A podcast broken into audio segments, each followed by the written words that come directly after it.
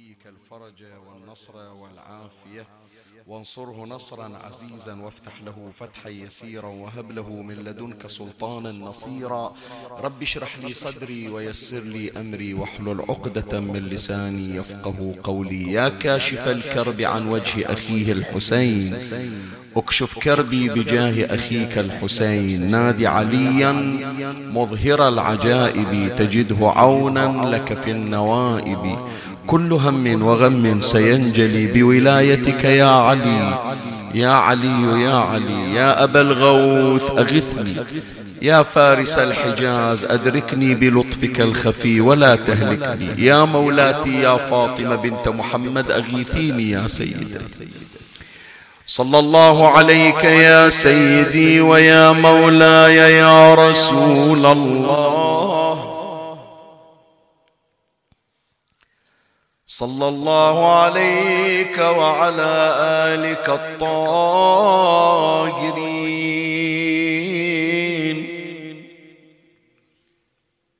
فاز من اعتصم بكم وأمن من لجأ إليكم. يا ليتنا كنا معكم سعادتي. فنفوز فوزا عظيما. ورد في الدعاء المأثور عن إمامنا صاحب العصر والزمان. عجل الله فرجه الشريف. بسم الله الرحمن الرحيم. اللهم صل على محمد وآل محمد وعجل فرجهم. وطهر بطوننا من الحرام والشبهات. واكفف أيدينا عن الظلم والسرقة. واغضض أبصارنا عن الفجور والخيانة. واسدد أسماعنا عن اللغو والغيبة. برحمتك يا أرحم الراحمين. وصل اللهم على سيدنا ونبينا محمد وآله الطاهرين. اللهم صل على محمد وآل محمد. اللهم صل على محمد وآل محمد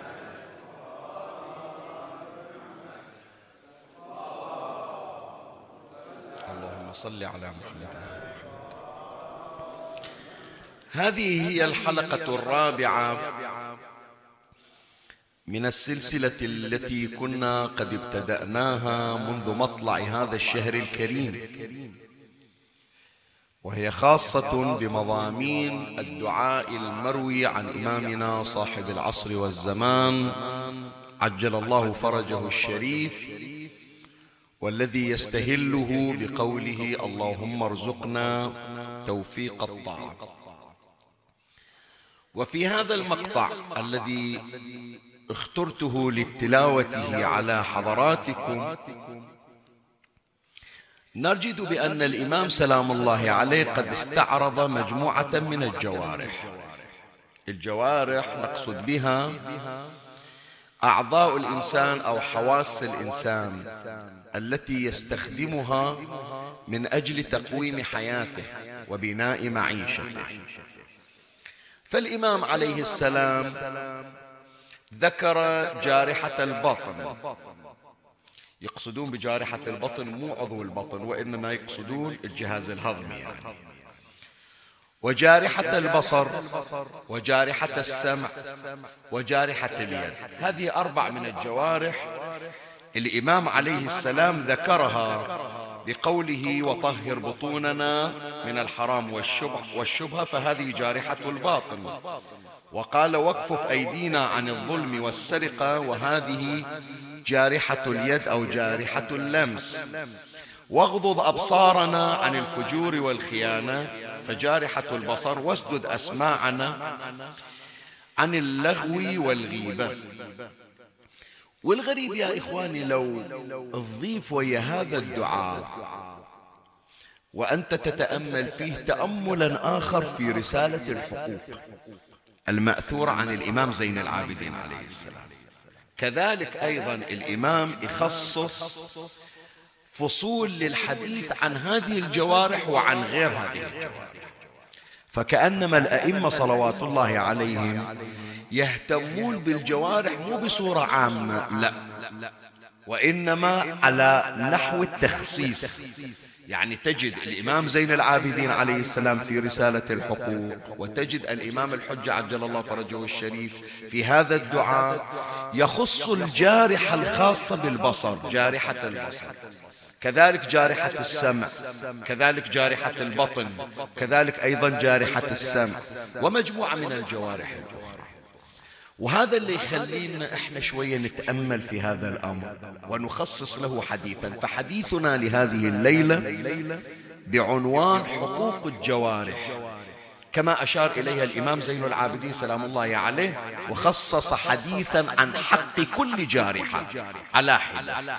وكما أن إمامنا المنتظر أرواحنا فدا يدعو لهذه الجوارح لكل جارحة بحسبها فالحديث هذه الليلة بعنوان حقوق الجوارح سوف أتناوله معكم ومن الله أستمد العون والتوفيق. ومن مولاي أبي الفضل العباس المدد وألتمس منكم الدعاء ولإمامنا المنتظر أرواحنا فداه لإدخال السرور على قلبه ولتعجيل فرجه الشريف ولأمه السيدة نرجس وجدته الزهراء صلوات الله عليهم أجمعين ثلاثا. بأعلى الأصوات. صلوا على محمد وآل محمد.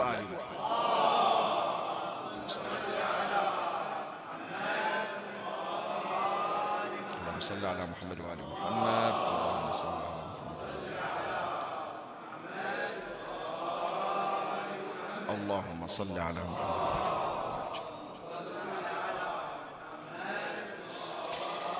ثلاثة مطالب سوف أمر عليها في بحث هذه الليلة. أما المطلب الأول فالحديث عن الجوارح بنظرة مختلفة. شوية يمكن هذا السؤال لعله سؤال مدهش أو غريب حينما يمر على المسامع. كيف هي علاقتك بيدك؟ كيف هي علاقتك برجلك؟ كيف هي علاقتك بإذنك أو بأذنك أو بعينك؟ قد بعضهم يقول شيخنا إيش قاعد تحكي إيدي بعد شنو علاقتي وياها هي يد. هو عضو من أعضاء الجسد. كأنما يا أحبتي من خلال ما يأتي من نصوص قرآنية ونصوص من السنة المطهرة واردة عن الأئمة المعصومين سلام الله عليهم.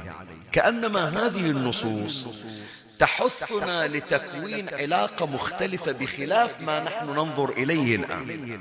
يعني أنا أنظر إلى اليد على أنها مجرد عضو مركب. أرى بأنها مجرد أطراف أو طرف من أطراف جسد أهل البيت يدعون يدعونك إلى التعامل بصورة مختلفة.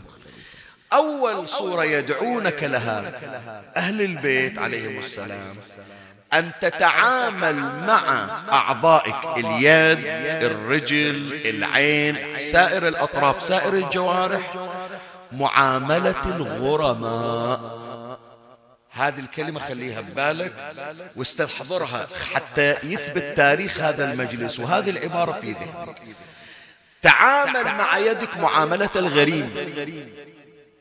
تعامل مع لسانك معاملة الغريم. تعامل مع عينك معاملة الغريم شنو يعني شيخنا معاملة الغريم أنا أقول أكو كثير من الأشخاص في حياتهم يتهاونون في حقوق الآخرين. يوم من الأيام هذا المتهاون يصاب بمرض مثلا يشيلون إلى المستشفى يصير بين الموت والحياة ثم ينقذه الله تبارك وتعالى. ويخلصه من الموت فكأنما يكتب له عمرا ثانيا.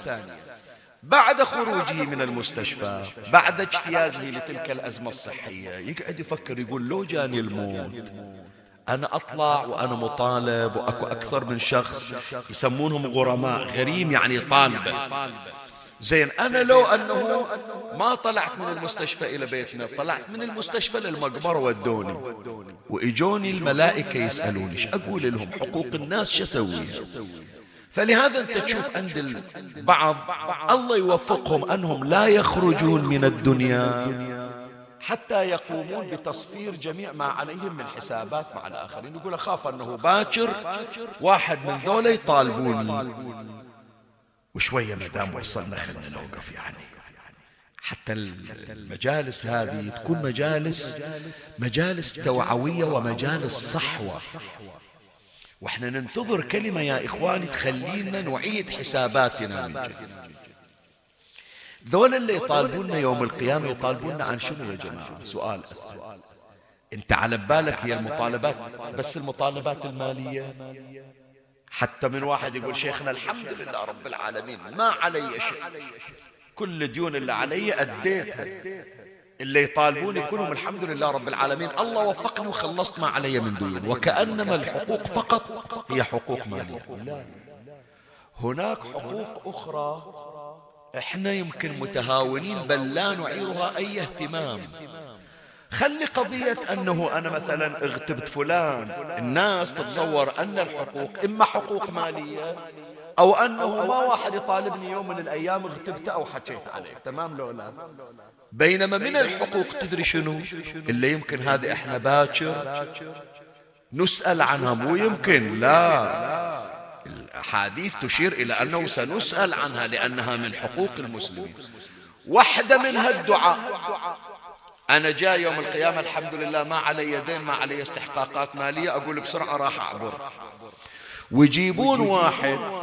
هذا الواحد في المحشر واقف متعطل يقولون ما عندك عمل يدخلك الجنة شوف الطالب أحد حتى تأخذ من حسناته وتدخل الجنة. يقول إيه أنا أطالب مثلا شيخ ياسين. شيخ ياسين يقول لا والله أنا ما متسلف من عندك ولا طالبني فلوس. يقول إيه أنا ما أطالبك فلوس. لكن أنا طحت مريض دعيت لي. أنا لي حق عليك أن تدعو لي. دعيت لي يوم من الأيام. لا والله. إذا إذا أطالبك بحق الدعاء إلا ما أديت في دار الدنيا. فعوض عن هذا الحق. فعوض عن هذا الحق. كنت تعطيني من حسناتك حتى أعبر إلى الجنة. مو بس المطالبة المالية. مثلا هذا غير الدعاء. شوف أنا إيش أجيب لك. من الحقوق التي نطالب عنها؟ حق السلام حق إفشاء السلام. شلون يعني؟ إيه أنا كمسلم وإنت كمسلم لي حق عليك أنك إذا رأيتني أن تسلم علي وأن أسلم عليك. شايف انت اليوم البعض يقول فلان هذا فلان أشوفه في الماتم ولا أسلم عليه؟ ما شكل اكو عندنا ناس ويتبجى. زين انت ما تدري انت على بالك ما يخالف. اهنته برد قلبك؟ باكر الله شي يخلصك. باكر انت قل لي أمام الله إيش راح يخلصك. لأنه من الحقوق يا إخواني. هذه الحق حق السلام حق الدعاء حق عيادته إذا مرض. حق الاستغفار. له انت شايف لما في فاتحة إحنا نقول رحم الله من قرأ الفاتحة. على بالك هذه القضية تطور. هذه هي من حقوقهم علينا. لهذا شوف من أدعية هذا الشهر شنو؟ اللهم أدخل على أهل القبور السرور. فإذا هذا كان مجرد إشارة إلى أن هذه المنظومة منظومة متكاملة منظومة الحقوق تجاه الآخرين. أكو بعض الأشخاص اللي يتصور بأنه الحقوق حقوق الآخرين بس هم ذول اللي يطالبوني في فلوس أو أني ما أحكي على أحد. لكن تعامل مع جوارحك معاملة الغرماء. شلون يعني؟ يعني باكر هذه اليد راح تشتكي عليك. باكر هذه العين راح تشتكي عليك. باكر هذا اللسان راح يشتكي عليك. باكر هذه الرجل راح ت... الجوارح. فلهذا من تسمع رسالة الحقوق والإمام زين العابدين سلام الله عليه. مخلي فصل في رسالة الحقوق مخصص للجوارح. حق اللسان حق البصر حق السمع حق الرجل حق اليد حق الفرج حق البطن. يذكرونها ترجعون إليها إن شاء الله في رسالة الحقوق تشوفونها. من تعرفون بأن هذه للأعضاء وللجوارح؟ حقوق يعني هم باكر الطالبك مثل ما الديان يطالبونك. واضحة الفكرة؟ فيوم أنا أعامل جوارحي معاملة الغرماء أخاف أنه هذه اليد أستخدمها فيما حرم الله. أخاف أنه هذه العين أنظر فيها أمام شيئا محرما خصوصا إلا هم في معرض الفتنة وفي معرض الابتلاء. الآن صح فلان أنا استوهبته اسمع إيش أقول. أريد أقول هالكلمة حتى أتجاوز هذه النقطة. شيخنا الحمد لله أنا الله وفقني إن شاء الله دوم. فوفقك إلى شنو؟ وفقني شيخنا فلان أنا كنت مغتاب وحاكي عنه فأنا رحت إلى من إجا شهر رمضان لأنه أريد تكون عبادتي عبادة مقبولة عند الله. ودقيت عليه الباب وقلت له يا فلان مروتك أمشي عليك هو العباس. دير بالك علي أخاف ألاقي ربي. وأنا حاكي عليك وأنا جاي أعتذر فهو الحمد لله أبرأ ذمتي. فهذا من التوفيق. طيب انت على بالك الغيبة بس فلان اللي حكيت عليه. لما نيجي واحد هذا أريد أصحح كثير من المفاهيم المغلوطة يا أخي. سامحنا عاد شيخ ياسين ترى إحنا تحكينا عليك أمس. كنت بري ذمتنا يعني. زين ما بري ذمة. هي الحق مو بس حق شيخ ياسين. كم حق؟ احسب وياي كم حق. هذا اولا حق المسلم الذي اغتبته. الغيبة تأكل الحسنات كما تأكل النار الحطب. فأنت الآن ضمن شيخ ياسين مدام أبرأ ذمك يوم القيامة ما بيطالبك. زين. حق الله. هو الله يوم قال لك الغيبة حرام. وانت تجرأت واغتبت. هذا حق إلى الله مو لو مو حق إلى الله. شيخ ياسين سامحك الله سامح. لو ما سامح. سؤال أسأل. فأنت يوم اللي تفكر تستوهب أحد وتقول له تبري الذمة وقال لك أنا سامحتك مو تتصور بأنه الذنب ارتفع. صح انت صححت فيما بينك وبين الشخص الذي اغتبته واضحة الفكرة يا جماعة لولا لكن تبقى تستغفر الله تبارك وتعالى لأن حق الله لا زال قائما. فتحتاج أن تستغفر حتى يتوب عليك. زين. الله تاب عليك. الله غفر إليك. فإذا حق الله ضمنته حق الشخص اللي اغتبته ضمنته اللسان اللي حكيت فيه. هم هذا يوم القيامة يجي يوقف. يا رب انت مخليني بحلقة ليش؟ حتى يذكر الله وحتى يقرأ دعاكم. لو يحكي على فلان وفلتان؟ فأنا أطالب يا ربي بحقي أنه استخدمني في غير ما خلقتني. واضحة حبايبي هذه القضية لو لا؟ فمن اليوم نريد نبتدئ علاقة مع جوارحي أن هذه الجوارح هي غرماء سوف تأتي يوم القيامة وتطالب بحقوقها. زين. واحد. ما أقول لك أنت لازم تخاف من إيدك من اليوم ورايح ولا أقول لك تخاف من لسانك ويوم ورايح. هناك علاقة أخرى أيضا تكونها مع الجوارح شنو هذه العلاقة؟ علاقة صداقة. هذه إيدك صديقتك. عينك صديقتك. أذنك صديقتك. لسانك صديقك شلون؟ إيه؟ أنت في شهر رمضان تدعو لمنو؟ أدعو لأمي أدعو لأبويا أدعو لأهلي. بعد أدعو لعيالي أدعو لزوجتي. بعد أدعو لإخواني. بعد أدعو لأصدقائي. بعد أدعو للمؤمنين والمؤمنات. طيب. شايف واحد ليلة القدر يدعي العينة أو يدعي الإيدة أو يدعي الإذن. لا شيخنا من هذا يسوي؟ أنا أقول لك من يسويها. يعمل هذا الأمر إمامنا صاحب العصر والزمان قائم آل بيت محمد.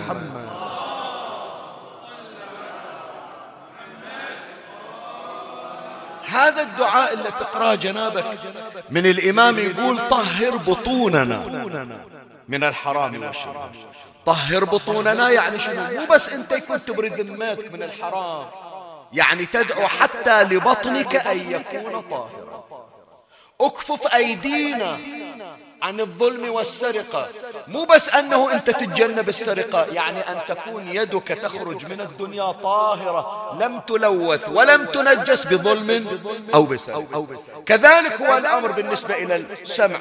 واسدد أسماعنا عن اللغو والغيبة واغضض أبصارنا مثلا عن الفجور والخيانة. أنت تدعي إلى هذه العين. فإذا أنت تعامل جوارحك معاملة الصديق. تدري ليش معاملة الصديق؟ لأن من أخلص الأصدقاء لك الجوارح. شلون؟ شوف المثل اللي راح أجيبه لك الآن إحنا عندنا عادة أنا أدري أنه حتى هذا المأتم الشريف هم يسوي. هذا المأتم هذه الحسينية وغيرها من المآتم يجي يوم من يقرون في تاريخ المأتم. يا حسينية السنابس الشرقية منو قرأ عندكم يقولون والله تاريخ الحسينية قرأ فلان خطيب فلان خطيب فلان خطيب فلان خطيب. عدل لولا. عندكم هذا الكلام موجود لولا. هل الحسينية من تأسست؟ في محرم قرأ عندنا فلان. العوايد يقراها فلان. في شهر رمضان يقرأ فلان. إن شاء الله باكر إذا نزلونا في التراب تذكرونا وتترحمون علينا. زين. فإذا المأتم يشهد لو ما يشهد. يوم القيامة من يجي من فوائد هذه المؤسسات أنهم يشهدون للخطيب. والله هذا الخطيب صعد المنبر. ذيك السنة يوم الأربعين الظهر جا سيد جاسم طويرجاي ورحمة الله عليه وقرأ مجلس الأربعين في الحسينية نذكرها إلى الآن. فهذا المأتم يشهد لهذا الخطيب يوم القيامة. والشهادة يجريها الله تبارك وتعالى فتكون مثبتة إلى العمل الطيب طيب. إيدك هذه تشهد لك لو ما تشهد عينك تشهد لو ما تشهد لسانك يشهد لو ما يشهد القرآن يقول بسم الله الرحمن الرحيم. في الآية الشريفة بسم الله الرحمن الرحيم. يوم تشهد عليهم ألسنتهم وأيديهم وأرجلهم بما كانوا يعملون. حسينية السنابس يشهدون إلي يوم القيامة. والله ثلاث سنين شيخ ياسين قرع عندنا شهر رمضان. يا ربي يكون تدخل الجنة لأنه إحنا نشهد إلى أنه قرع بس تدري لسانك يشهد إليك بشنو؟ يا رب شيخ ياسين هل قد مرة صلى على محمد وآل محمد؟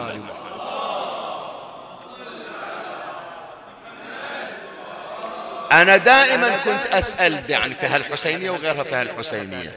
أنت من إجيت إلى الدنيا إلى هذا التاريخ عمرك أربعين خمسين سنة ستين سنة. كم مرة صليت على النبي؟ ضاع عليك عدل ولا أنت ما تحفظه. لو تسأل عينك من أول ما طبيت الحسينية من أول ما فتحت عينك إلى الآن كم دمعة نزلت من عينك على الحسين؟ ما أدري. ضاع علي الحسين من يوم إحنا صغار يا جماعة وإحنا نلطم على الصدر تقدر تحسب كم دقة من عمرك إلى الآن؟ إلا مشوا إلا طلعوا من النجف إلى كربلاء. يقدر يحسب كم خطوة خطأ يضيع عليه الحساب حتى لو عنده حسابة يمكن تروح لكن شوف أقرب الأصدقاء لك لسانك هذا لسانك يوم القيامة من يشهد مو بس عليك بالسلب حتى بالإيجاب. يقول يا ربي أنا أشهد لهذا العبد أنه أخذ يواظب على الصلاة على محمد وآل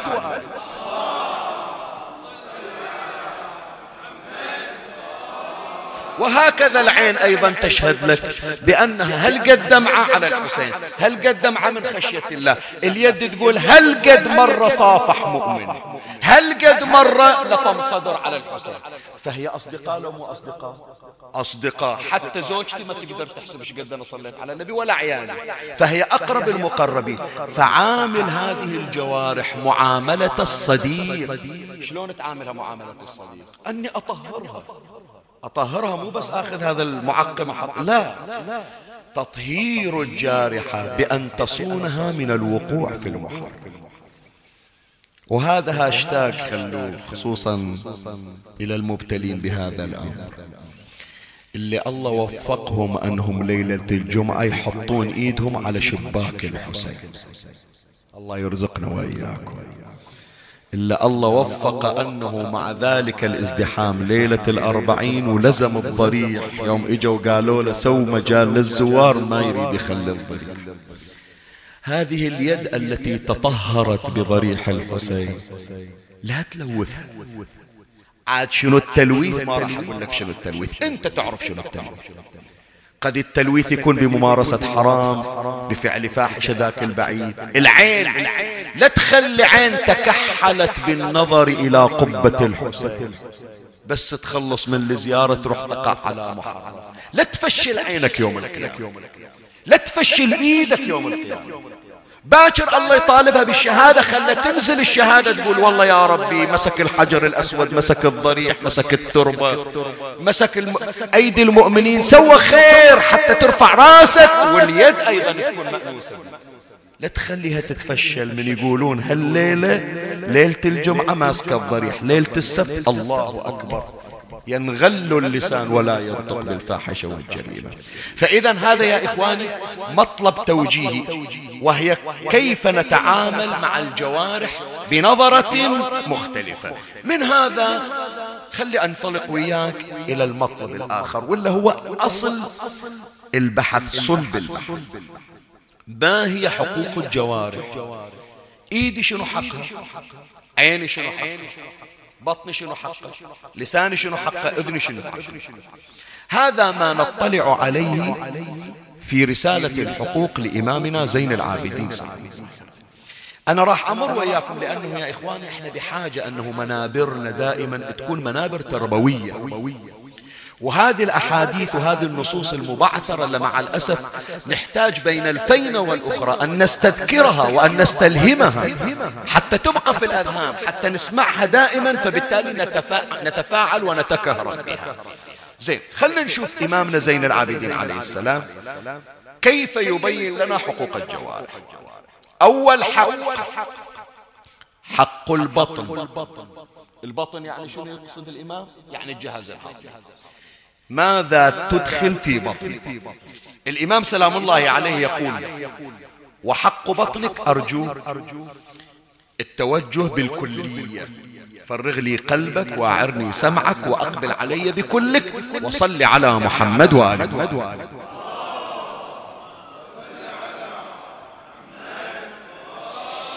يقول الإمام سلام الله عليه وحق بطنك ألا تجعله وعاء لقليل من الحرام ولا كثير. يعني حتى ولو بمقدار ضئيل لا. خلى البطن يكون طاهر عن أي محرم لا بكمية كبيرة ولا بكمية قليلة. وحق بطنك ألا تجعله وعاء لقليل من الحرام ولا لكثير. حط بالك للكلمة اللي راح أقولها لأني إلي شغل. فيها وأن تقصد له في الحلال ولا تخرجه من حد التقوية إلى حد التهوين وذهاب المروءة. يعني أنت أكلك فقط حتى تأخذ طاقة من أجل ممارسة الحياة. في بعض كلمات أمير المؤمنين سلام الله عليه جدا الكلمة لا تجعلوا بطونكم مقابر للحم. كان نحاط بطنه قبر. وين ما عنده شيء مخزن ستور يخزنه في هذا البطن. المفروض أنه البطن يكون فقط لأخذ الحاجة. الإمام يؤكد على هذا. يقول ولا تخرجوا من حد التقوية. إلى حد التهوين. لا تخلي الأكل يصير سبب لجر الأمراض عليك. وذهاب المروءة. فإن الشبع المنتهي بصاحبه إلى السكر. شنو يعني الشبه؟ شايف هذا لما أول ما يخلص تارس بطنه من الفطور وانفلت. قوم روح الماتم. ما أقدر فطور دسم. هذا الإمام يعبر عنه يقول مثل السكران ذاك البعيد. شلون السكران من يشرب الخمر؟ حشاكم وحشى المكان. ما يقدر يقوم ما يدلي دربه. صار أيضا الأكل أشبه بالسكر. شوف تعبير الإمام فإن الشبع المنتهي بصاحبه إلى السكر مسخفة ومجهلة. شلون؟ أولا صار ما إلى قيمة يأكل وينام مثل البهائم. وصار مجهلة. متى بيقرأ؟ متى بيستمع؟ متى بيذاكر؟ متى بيراجع؟ صار كثرة الأكل سبب إلى جهله. بعد ومذهبة للمروءة.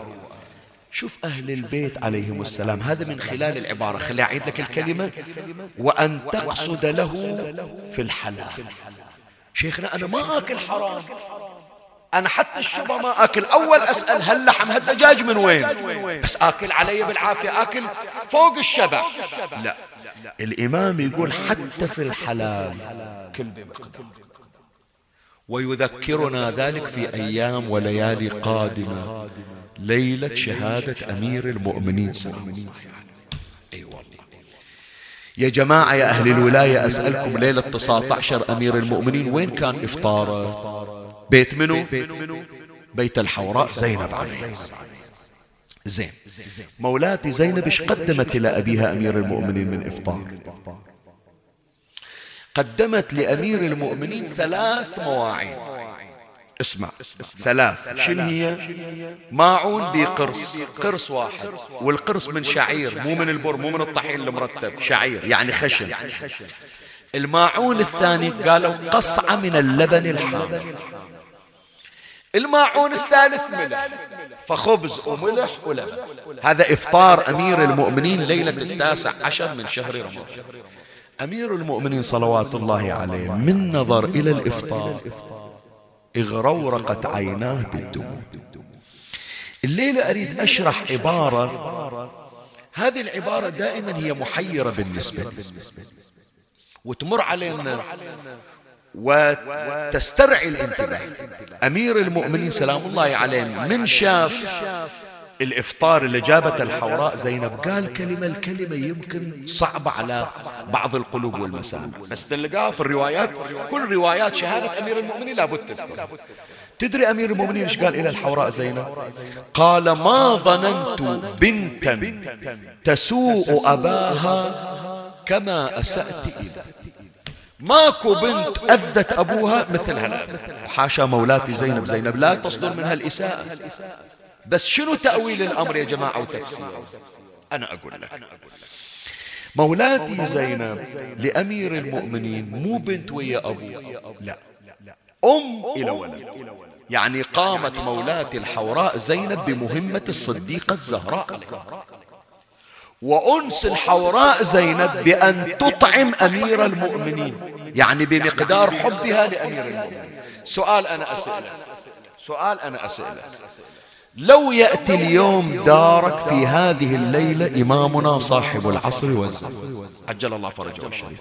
افرض الإمام في هذه الليلة اختار بيته للإفطار فيها أو للسحور شو تقدم بس قول لي أنا الآن أريدك تحكي من منطلق حبك للإمام ومعرفتك بمقامه شو تقدم إليه؟ راح أخليك بس شكل ثلاث ثواني خمس ثواني بس تأمل. قول لي الإمام الليلة جاي بيتك إيش راح تقدم؟ زين الغوزي الغوزي عمي كوليسترول ما ياكلونه الحين شوف أنت تتعامل من حيث معرفتك. إبراهيم الخليل جايين أربعة. إيش ذابح لهم عجل عجل سمين. تمام لو لا؟ مع العلم إبراهيم ما يأكل العجل لكن من حيث الضيف ومقام الضيف ومن حيث الملائكة ومقام الملائكة. الإمام لو يجي بيتك ما يأكل إلا راح تخليه كله يمكن القرص كأكل جده أمير المؤمنين. بس انت من حيث معرفتك به تقدمه بما يليق به. تمام لو لا مولاة الحوراء زينب تدري أبوها ما يأكل الا هالمقدار لكن تقدمه من من ناحيتين. اولا من حيث مقام أمير المؤمنين. ثانيا من حيث حبها لعلي. شايف؟ فهو لكن أمير المؤمنين يدري مشاعر الحوراء زينب. لكن يقول هذا البطن حاق. البطن إلى حق ومن حق البطن شنو هو؟ مثل ما قال الإمام زين العابدين سلام الله عليه وأن تقصد له في الحلال. أنا من حيث ما هو أنا يعني من حيث علي بن أبي طالب لازم أختصر الأكل بمقدار ما أتمكن. زينب تقول أنا من حيث تقديمي لعلي لازم أقدم شيء بما يناسب مقام لا أزيد ولكن أكرمه في الضيافة. أمير المؤمنين لما نظر إلى الطعام اغرورقت عينا بالدموع. قال يا بني إني أريد أن أتأسى بحبيبي رسول الله صلى الله عليه وآله. ما قدم له إدامان في طبق واحد حتى قبضه الله إليه. أبد. مع العلم الأكل متواضع هو شنو يا جماعة؟ لبن. خلها تيجي مولاة زينب تشوف الآن شي يحط هو لبن وقرص شعير وملح. يقول لا ثلاثة ما إدام واحد. الوجبة الرئيسية خبز. الإدام واحد. فتختارين. تشيلين طبق. مولاتي زينب إيش سوت قالت أدور الأدسم أخليه فالأدسم من الملح شنو هو؟ اللبن. فلهذا قالوا بأن مولاتي زينب انحنت لترفع طبق الملح. وإذا بأمير المؤمنين سلام الله عليه يقول بحقي عليك إلا ما تركت الملح ورفعت اللبن. وهل أكل هذا من بعد صيام 18 يوم؟ صور. ما أكل القرص كله ولا أكل الملح. ثلاث لقم ثم مسح على بطنه وحمد الله تبارك وتعالى. هذا علي بن أبي طالب. زين. شوية بعد ما دامجينا يعني حتى يصير المجلس أكثر ولائي يا جماعة إلا ثلاث لقم خبز وملح تصير عنده طاقة؟ بس قول لي. واحد إفطاره يعني طول الليل بعد ما ياكل مو مثل إحنا بطلع بروح دروس وباكل مني حلاوة ومني بشرب شاي وكذا. هي ثلاث لقم إلى وقت السحور. هي تعطي طاقة يا جماعة. شو تقولون؟ لا تحرك لا خلي أشوف لسانك يتحرك مو رأسك. تعطي طاقة. زين ما تعطي طاقة. فلو أنه ثلاثة أيام يعني ليلة 19 و18 و17 حتى الخبز والملح ما أكل عليه. تصير عنده طاقة؟ شو تقولون؟ المفروض ما عنده طاقة. لكن علي قلع باب خيبر وهو لثلاثة أيام لا يفطر إلا على الماء القمر يقولون لعلي يسألون عن الطاقة. يقولون له أنت من وين؟ إيش ماكل؟ فعلا يعني سألوه. ابن أبي الحديد يقول سألوه إيش ماكل أنت اللي قدرت تشيل الباب؟ يا قالع الباب الذي عن هزه عجزت أكف أربعه إيش ماكل أنت؟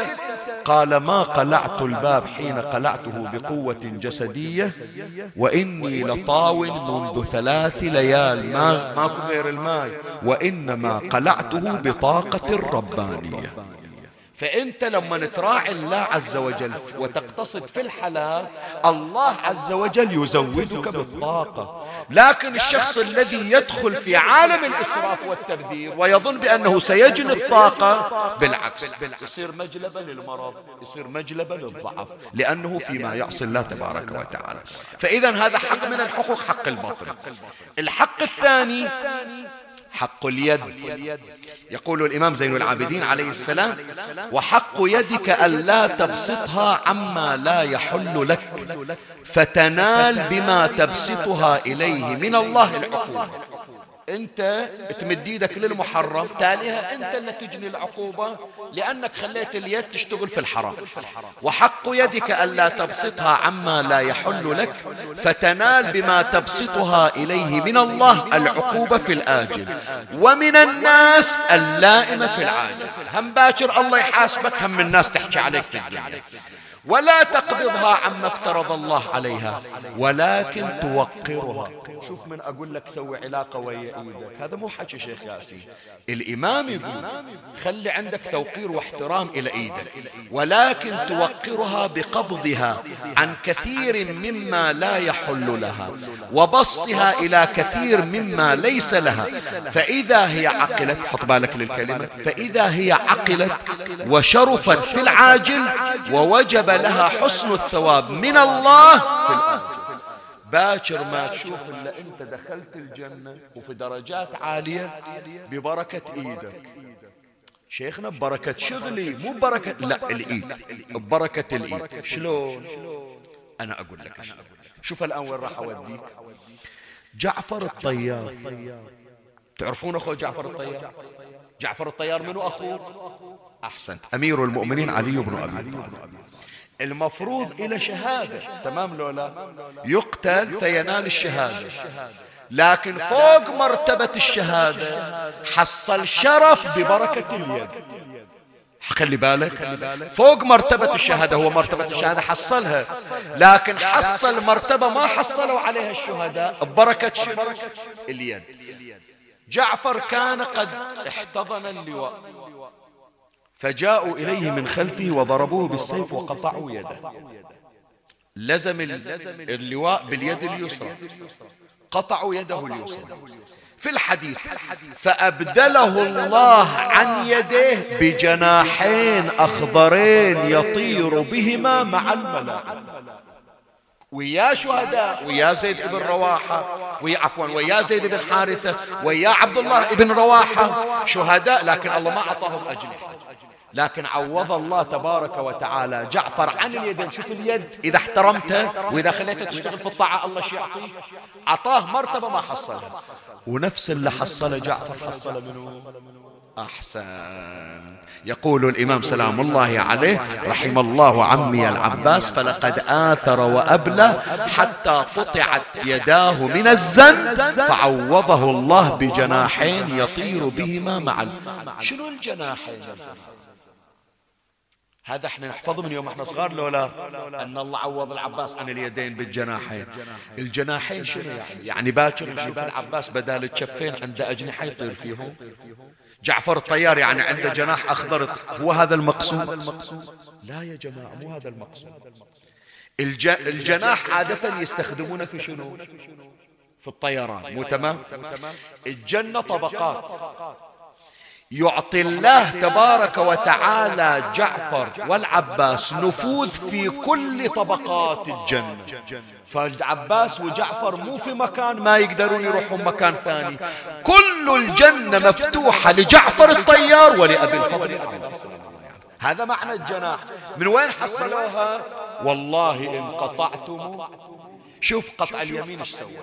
فيوم انت تحرص على إيدك انها تكون فقط مرهونة لعمل الخير هي اللي تعطيك ثواب ورتبة فوق الرتبة اللي تحصلها بالعمل. هذا الحق الثاني حق الحق الثالث حق العين. يقول الإمام سلام الله عليه وأما حق البصر فغضه عما لا يحل لك وتعتبر بالنظر به. حط بالك هاي الكلمة أريدك تحفظها. يا ريت يكون تسجلها وتخليها عندك احتفظ بها في النوت اللي يلخصون هذه الكلمة بالذات يكونون تكبروها. الإمام يقول وتعتبر بالنظر به وترك ابتذاله إلا لموضع العبرة. تستقبل به بصرا وتستفيد به علما. فإن البصر باب الاعتبار. شنو هو ترك ابتذال ابتذال البصر إلا لله إلا بعدك أونلاين ما نمت.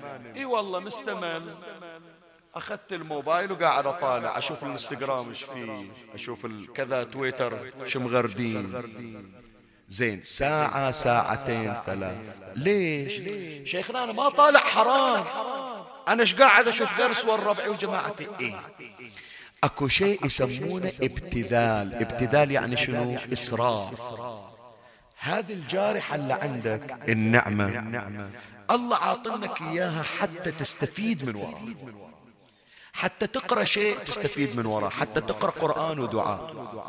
حتى استخداماتك يا إخواني. حاول استخداماتك تثمين وتقدير لهذه النعمة. الإمام يحذر من أنه واحد يستخدم عينه من غير داعي. هذا إجهاد العين تعب العين.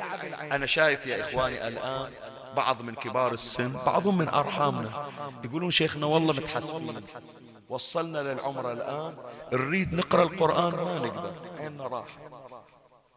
راحت العين ما الله يرحمه رحمة الأبرار. يمكن سامعين عنه كبار أبنائي أظن ما سامعين عنه أحد الخطباء يسمونه ملا جعفر الكليتي؟ مار عليكم هالاسم ولا جعفر رحمة الله عليه؟ نعم. رجل متدين مؤمن خير من الأخيار. كنت أنا سألته يعني هذه تترك في مظانها بس واحدة من الأمور اللي خبرها كنت سألته قلت له شو استفدت من الدنيا ملاتي الآن عمرك كم؟ قال عمري 67 سنة. شو استفدت من الدنيا؟ فذكر لي عدة أمور. قال واحدة من الأمور اللي استفدت من الدنيا أن عيني ثم عيني ثم عيني. قلت له شلون؟ قال أنا أقول. لو عيني موجودة مو الليلة عندي مجلس أدور. يا من من أولادي يجي يقرأ لي هذه الأبيات أو هذه السيرة. النعمة اللي موجودة عندك الآن أنت متنعم بها. شوف أكو بعض الأشخاص يتمنون يقرون آية من القرآن. يتمنون إذا راحوا يقرون زيارة ما عندهم أحد يقرأ له فهي نعمة الإمام يقول لك راعها حتى تفيدك وحتى تغدق عليك. خلي أذكر لك هذه القضية حتى أتجاوز هذا الحق. أكو واحد من علمائنا من مراجعنا يسمون آية الله السيد نعمة الله الجزائري رضوان الله على روحه. صدقوني هذا يعني شيء من المكاشفة أنا أحكي. من أمر على هالقضية أقول تفضل. إحنا يسمونا معممين ويسمونا طلبة علوم ويسمون سيد نعمة الله طلبة علوم. هذول إذا ناس احترقت أدمغتهم من أجل التحصيل. شلون نقول إحنا ناس مجدين ومحصلين؟ مهما بذلنا من الجهد. أي جهد قدمناه كجهوده اسمعش أقول لك؟ حتى تاخذونه كرمز وتعرفون علماءنا شلون وصلوا إلى هالمراتب والدرجات. ما وصلوا بالمجان. سيد نعمة الله الجزائري رضوان الله عليه لا ينام الليل حتى الصباح مشتغل بالتحضير والقراءة. إذا ليلة من الليالي يقول إحنا فقر ما عندنا شيء. أحيانا ما عندنا سراج خذ بزمنه ما كانت كهرباء موجودة. فعندهم لو شمعة أو يجيبون مثلا كذا يسرجون سراج عندهم زيت. أحيانا يقول ما عندنا شمع ما عندنا سراج. شو نسوي؟ يقول نطلع على سطح البيت. ونطالع الكتاب على ضوء القمر. زين إذا جت ليلة آخر الشهر ماكو قمر. ولا عندنا شمع ولا عندنا سراج. ننام يقول حتى نوم ما ننام نحفظ دروس السابقة وأنا يقول ويا أخويا على الفراش وإحنا نسمع لبعضنا الدرس الفائت. حتى ما يعني ما يصير ليلة من الليالي نحرم من التحصيل ومن المذاكرة شوف عمي إذا كنت تهوى القوم فاسلك طريقهم فما وصلوا إلا بقطع العلائق. وما حمل الهندي وهو حديدة على الكتف إلا بعد دق المطارق. السيف ما صار سيف إلا عقب ما اندقت المطارق على رأسه. زين. فيقول سيد نعمة الله من كثرة المذاكرة من كثرة التحصيل من كثرة القراءة عيني صابها رمد تورمت عيني. قمت ما أقدر أطالع الكتاب فصرت أبكي على حالي. أبويا بعد صار يدور لي كل يوم دواء كل يوم يجيب طبيب كل يوم يروح لعطار حواج. ولدي سيد نعمة الله عينه متورمة من زود المطالعة. عندكم إلى دواء؟ كل ما خلوا دواء ما محصل يقول فوقع في قلبي اسمع وقع في قلبي أن أطلب من الزوار القاصدين إلى أرض كربلاء. أن يأتوني بتراب من قبور الأئمة المعصومين شوف اليقين شوف اليقين. هذول عم اللي يستخفون بعجائزنا شوف مراجعنا أهل الولاية شنو عندهم من يقين. قال له واحد من الزوار أنت رايح تزور إذا حصلت تراب من على ضريح الحسين جيب. إذا رحت إلى النجف جيب لي تراب من عند وهكذا. يقول فجمع لي تراب من مراقد المعصومين. جابوا من الإمام الرضا جابوا من النجف من كربلاء. يقول أنا على يقيني أخذت شيئا من التراب فوضعته على العين من فوق العين. تبركا وجعل الشفاء في وين؟ في تربتي.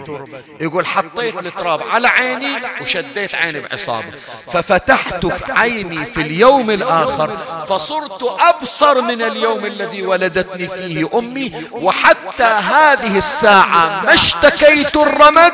ببركة محمد وآله. الله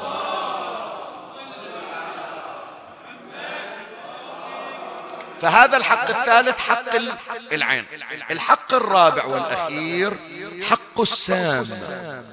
يقول الإمام سلام الله عليه وأما حق السمع تنزيهه عن سماع الغيبة وسماع ما لا يحل سماعه. عفوا. وسماع ما لا يحل سماعه.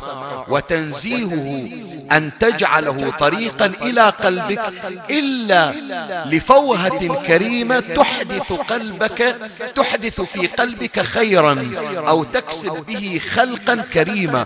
فإنه باب الكلام إلى القلب يؤدي إليه ضروب المعاني على ما فيها من خير أو شر ولا قوة إلا بالله. شوية خلي إحنا الآن في الدقائق الأخيرة على وشك. أنا من إجيت أقرأ في حقوق الجوارح للإمام زين العابدين سلام الله عليه في رسالة الحقوق.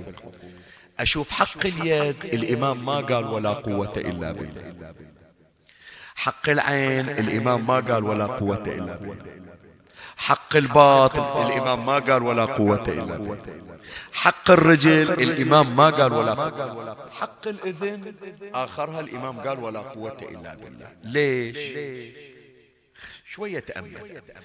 لو أقول لك صك عينك ولا تطالع. إيش بتسوي؟ راح تغمض عينك. عدل لولا. لو أقول لك لا تمد إيدك. تقبض إيدك ما تمدها مثل المسجد. عدل لولا لو أقول لك لا تأكل. تمتنع عن الأكل. لكن لو قلت لك لا تسمع. إيش بتسوي بإذنك؟ يعني الواحد حتى لو حط حتى لو حط إيده على إذنه يوصل الصوت. تمام لو لا؟ فشي يسوي؟ هذه لفتة مهمة يا أحبتي. أن تسأل الله أن يوفقك حط بالك خلاص راح نختم يعني. أن تسأل الله أن يوفقك أن لا يأتي إلى أذنك إلا ما يرضي الله مو تحطين على أذنك وتسدها. لا. مو تبط طبلة الأذون على أسم لا لا. بس يوفق الإنسان إلى أنه إذا إجى حديث حديث يغضب الله أما بفحش أو بفجور أو غيبة يذهل عن سماعه. هذا من التوفيق. هذا من التوفيق. واضح إيش أقصد؟ ولا توفق إلا لأن تسمع ما يرضي الله تبارك وتعالى. ولهذا شوف الإمام الحجة في الدعاء اللي قريناه شدوش واسدد أسماعنا عن اللغو والغيبة الكلمة الموزنة ما أتوفق أني أنا أسمع بس لا يوفقني أذني أو لا يوفقني الله إلا لسماع ما يرضي الله عز وجل. فلهذا بعض الحواريين حواري عيسى ابن مريم يذكر هالكلمة يقول رب كلمة أحيت سامعها بعد الموت. قاعد في الماتم ولا حاط في باله. يسمع كلمة وإذا الكلمة تقلب مجرى حياته فوق تحت. وتاليها تستقيم حياته بسبب كلمة. المجلس يمكن ساعة وفوق الساعة. كلمة واحدة سمعها غيرت مجرى حياته. وخلته يمشي بدل الطريق المعوج إلى الطريق المستقيم. يقولون كان أكو واحد سارق. حرامي. طاب بالبيت ببوك يوم طب قاعد يتلبد ما يريد أحد يشوفه. باقي البوقة يريد يشرد. صاحب البيت قاعد يقرأ قرآن وصل عد هذه الآية. ألم يأن للذين آمنوا أن تخشع قلوبهم لذكر زي هذا حرام لكن الكلمة قبل لا تنفتح لها الأذون انفتح القلب ذب ذيك البوقة من إيده. قال آن آن خلاص آن من الآن أنا خوش آدم. خرج واستغفر الله تبارك وتعالى. هذا التوفيق يا إخواني أن تسخر إذنك فقط لسماع ما يرضي الله عز وجل. بهالمقدار أنا أكتفي. أسأل من الله تبارك وتعالى أن يجعلنا كما يرضى إمامنا صاحب العصر والزمان. عجل الله فرجه الشريف. لكن أنا أجعل مسك الختام هذا السؤال. يا جماعة الإمام ليش قال وطهر بطوننا من الحرام والشبهة قبل لا يجيب العين قبل لا يجيب اليد قبل لا يجيب اللسان قبل لا يجيب السام. أول دعا الإمام لشنو؟ للبطن ليش ما دعا للعين أول؟ أنت الآن أهم عضو عندك شنو؟ العين. مو تمام؟ هو بد بالعين تالي خلصها بالبطن لا لا. تدري ليش؟ لأن البطن إذا صار مستودعا للحرام قاد إلى كل معصية. لقمة الحرام. دير بالك وأنا ما أريد أفتح الآن معنى الحرام هذا بحثنا في سنوات سابقة. شنو معنى الحرام وشنو معنى الشرك؟ بس أنا أقول لك البطن من ينفتح للحرام. اشتغلت العين للحرام اشتغل اللسان للحرام اشتغلت الإذن للحرام اشتغلت اليد للحرام اشتغل الرجل للحرام. وإذا عف البطن عن الحرام صان الله تبارك وتعالى كل الجوارح. فلهذا الإمام الصادق عليه السلام يقول وأصل علامات الهوى من أكل الحرام. الذنوب المعاصي تجي من وين؟ من لقمة حرام. تدري الإمام الحسين عليه السلام يوم العاشر قال لهم شفتوا أنتم اللي واقفين ثلاثين ألف. تدروا منو طلعكم تشيلون السيف وتقاتلون وتخاصرون بنات رسول الله؟ إن شاء الله على بالكم ابن زياد. إن شاء الله على بالكم ابن زياد اللي طلعكم. لا. لو ابن زياد هو اللي طلعكم إن كان طلع حبيب بن مظاهر ضدي. الأمر مثل ما طلع من ابن زياد ليكم طلع لحبيب بن مظاهر. ليش حبيب بن مظاهر ما رضى؟ لأن بطنه عفيف فلهذا قال الإمام الحسين عليه السلام وكلكم عاص لأمري غير مستمع قولي فقد ملئت بطونكم. أحسن. شوف لقمة الحرام شو تسوي؟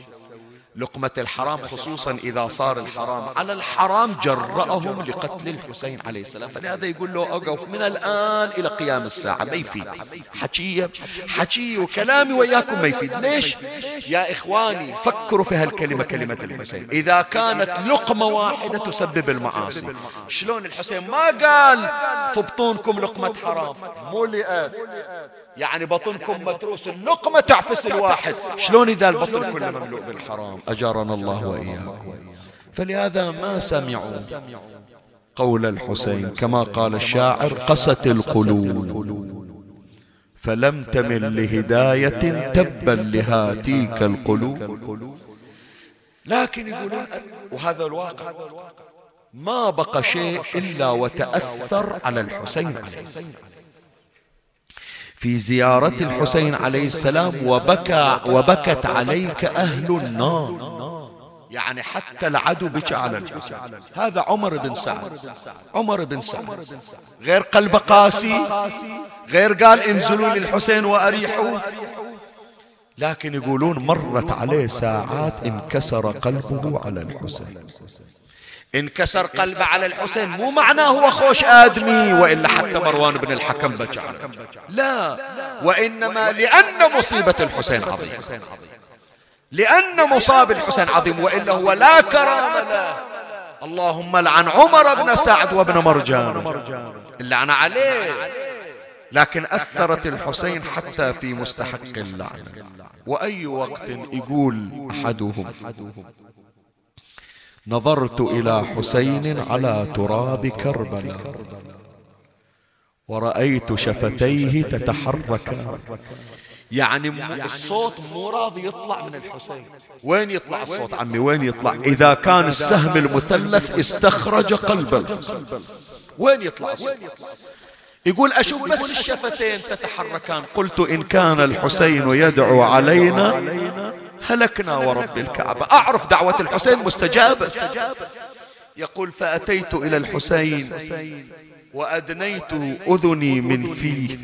أريد بس أسمع شي يقول. وإذا بي أسمع حسينا بصوت ضعيف. يا قوم اسقوني شربة من الماء. فوحق جدي رسول الله. لقد تفتتت كبدي من شدة العطشان يقول انكسر قلبي من كلام انكسر قلبي. قلت له أبو علي غير أنا جاي قاتلك لكن هالحكي هذا إلا أجيب لك المال بس يقول أنا جندي ما أقدر أسوي شيء أول آخذ إذن. يقول أخذت قربتي مضيت إلى خيمة عمر بن سعد. قلت له أمير حسين على التراب. السهم المثلث طلع قلبه من الظهر. وهو يطلب الماء. ما ضركم لو سقيتم؟ عطشان الحسين. بس قطرة ماء هو مذبوح مذبوح. يقول رأيت عمر بن سعد وقد أعرض بوجهه عني. ورأيت دموعه قد بللت لحيته المشومة علمت أن السكوت من الرضا. قلت خلي الآن مدام هو أعرض ما حكي خلي أروح أملي القربة يقول مضيت إلى نهر الفرات ملأت قربتي. توني طالع من النهر. يقول وإذا بالأرض ترجو. والسماء تهتز وكسفت الشمس وبدت النجوم في رابعة النهار. وإذا الصوت يصك مسامعي يا ابن ساع البشارة فقد قطع شمر راس الحسين. أين الصارخ؟ أين المنادي وحسينا. فزعت مولاتي زينب إلى خيمة زين العابدين. قالت يا ابن أخي أجلس وانظر ماذا جرى. عم عم قاعدين خلي أشوف إيش صاير. عم اجلسيني سندني إلى صدرك. تقول أجلسته سندته إلى صدري. قال عمك شوفي لي طرف الخيمة. كشفت له طرف الخيمة. نظر زين العابدين مليا. حط إيدك على قلبك خاف توجع قلبك الكلمة. قال عم استعدي للساب عم استعدي للآيس إيش صاير؟ قال هذا رأس أبي الحسين. على رأس رمح طويل والريح تلعب بشيبته إصرخ وحسين. خلي الليلة ليلة نياحة بحرانية قديمة. خلي الليلة يكون الونة تسجلها فاطمة الزهراء بوقت السحر خلي من أورادك الليلة ورد النياحة على الحسين. ولا ولا حسروا قلها بهالبكاء لا تهيجيني. وقعد ولعت صدرك براحة سنديني. كشف الستر يا مخدرة من قبال. عيني امتثلت كلامه والقلب مشغول بأفكار. صوتك صوتك سمعني صوتك. تحسر يا ويلي وللفضاء بطل ونينا تحسر يا ويلي وصفك شمالك قالت إيش صاير؟ قال يا عمن وليلة هذا أبو حسين يتعفر بلوعة. وويلا طايح أبو حسين والعالم غصب ماج. غابت انواره ولا بقى في العالم اسرار إن صدق ظني والدي محزوز لو داج. قومي يا عمه واستعد لهتك الاستار وويلا طلعت تنادي والقلب بالحزن مجروح. أيتام اخويا حسين تشغلني عن النوم. هجمت العسكر علي. وين أنا وين التجي والليل مقبل والعيد اشرار البيت هذا أريدك أنت اللي تقرأه. ضيعني الوالي وخلاني. إيه, إيه لا أهل عندي ولا بلد يمي. عيده عيده ضيعني الوالي وخلاني غريب. لا أهل عندي ولا بلد يمي. عنيش دعوة يا علم طويل ما تنجف زينة هيب وهي عدها نسام إن شاء الله وياكم نوقف عند باب حرم الحسين ونقرأ هذا البيت. تصرخ بعالي الصوت طايح وين؟ إيه؟ خدر الهتك وإنت غياث المستغيث. عجل ادركنا لا تكون النساويهين لما سمع ظلي تقلب فوق لوعة زينب إن كان يمي تقدرين تجين لا توصلين المشرعة يا مجسد طلعوا بظلام الليل يستركم عن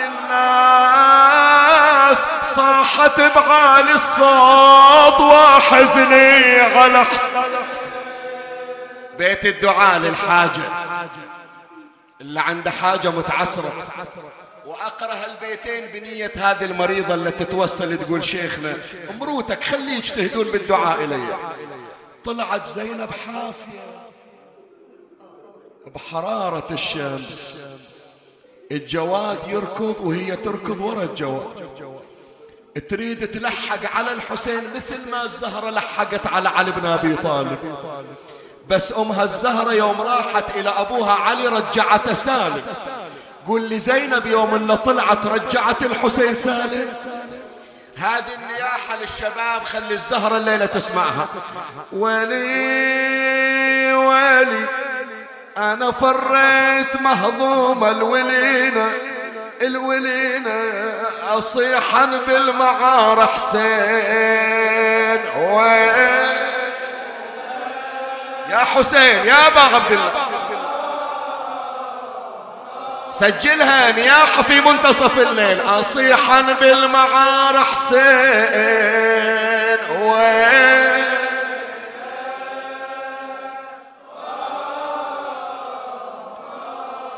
لقيت حسين متوسد يمينه لقيت حسين متوسد يمين ارفع صوتك إيه؟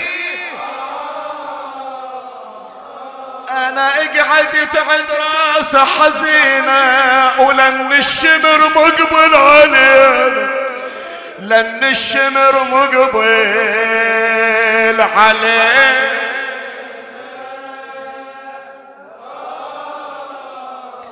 إيش سوى زينب لن الشمر مقبل علينا خويا ضربني وقطع رقبة ولي. إيه ضربني وقطع رقبها يا يا يا تولي وغدت كل من الدهشة. تهوي وتقوم وعلى أوجهها من كثرة اللطم كلوم وحقيق بعد كسف الشمس أن تبدو النجوم يتسابقن إلى موضع ما خر الحسين وحسين وحسين وحسين وحسين وإمامي ما تضامي يا حبيبي. اللهم صل على محمد وآل محمد. اللهم سلمنا لشهر رمضان. وسلمه لنا وتسلمه منا فلا ينقضي عنا إلا وقد غفرت لنا اكتبنا فيه من عتقائك من نار جهنم يا الله اللهم عجل فرج إمامنا صاحب العصر والزمان شرفنا برؤيته وارزقنا شرف خدمته ارض اللهم قلبه عنا فإن في رضا قلبه رضاك. احفظه يا ربي عن يمينه وعن شماله ومن أمامه ومن ورائه ومن فوقه ومن تحته واملأ قلبه فرحا وسرورا واصرف عن قلبه الهم والحوز.